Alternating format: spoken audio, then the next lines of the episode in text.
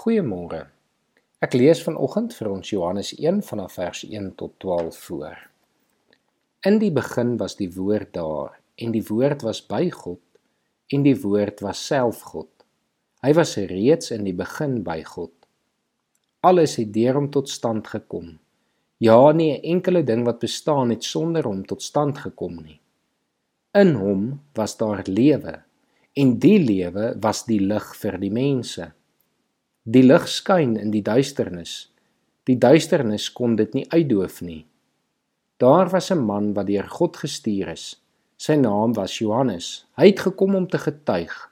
Hy moes getuig van die lig sodat almal deur hom tot geloof kon kom. Hy was self nie die lig nie, maar hy moes van die lig getuig. Die ware lig wat elke mens verlig, was aan die kom na die wêreld toe.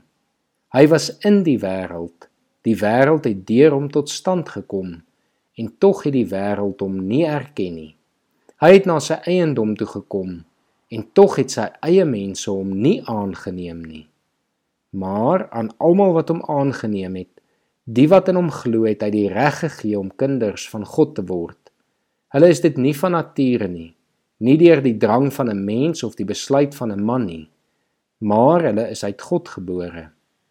Die woord het mens geword en onder ons kom woon. Ons het sy heerlikheid gesien, die heerlikheid wat hy as die enigste seun van die Vader het, vol genade en waarheid. Johannes getuig van hom en roep uit: Dit is hy wat ek bedoel het toe ek gesê het: Hy wat na my kom, is my voor, want hy was voor my reeds daar. Ons sien hier in die begin van Johannes al die belangrike tema van lig. 'n Tema en 'n beeld wat hy reg deur die evangelie en ook in die briewe van Johannes gebruik. In Johannes 8 vers 12 maak Jesus hierdie beeld op homself van toepassing wanneer hy die volgende sê: Ek is die lig vir die wêreld. Wie my volg, sal nooit in die duisternis lewe nie, maar sal die lig hê wat lewe gee.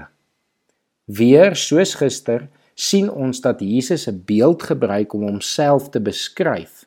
Weer is dit 'n beeld wat uitwys dat hy God is en weer koppel Jesus die ewige lewe wat deur hierdie beeld gekry kan word.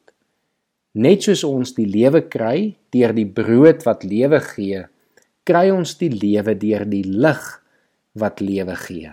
Jesus is die lig vir die wêreld. Nou miskien maak hierdie beeld nog meer sin as ons byvoorbeeld aan die son sou dink. Die aarde sal nie lewe kan handhaaf as dit nie vir die son was nie. Die son maak lewe op aarde moontlik. En net so kom Jesus vir ons die lewe moontlik maak deur sy lig in ons lewe in te skyn. In Johannes lees ons dat hy die lig was wat elke mens kom verlig.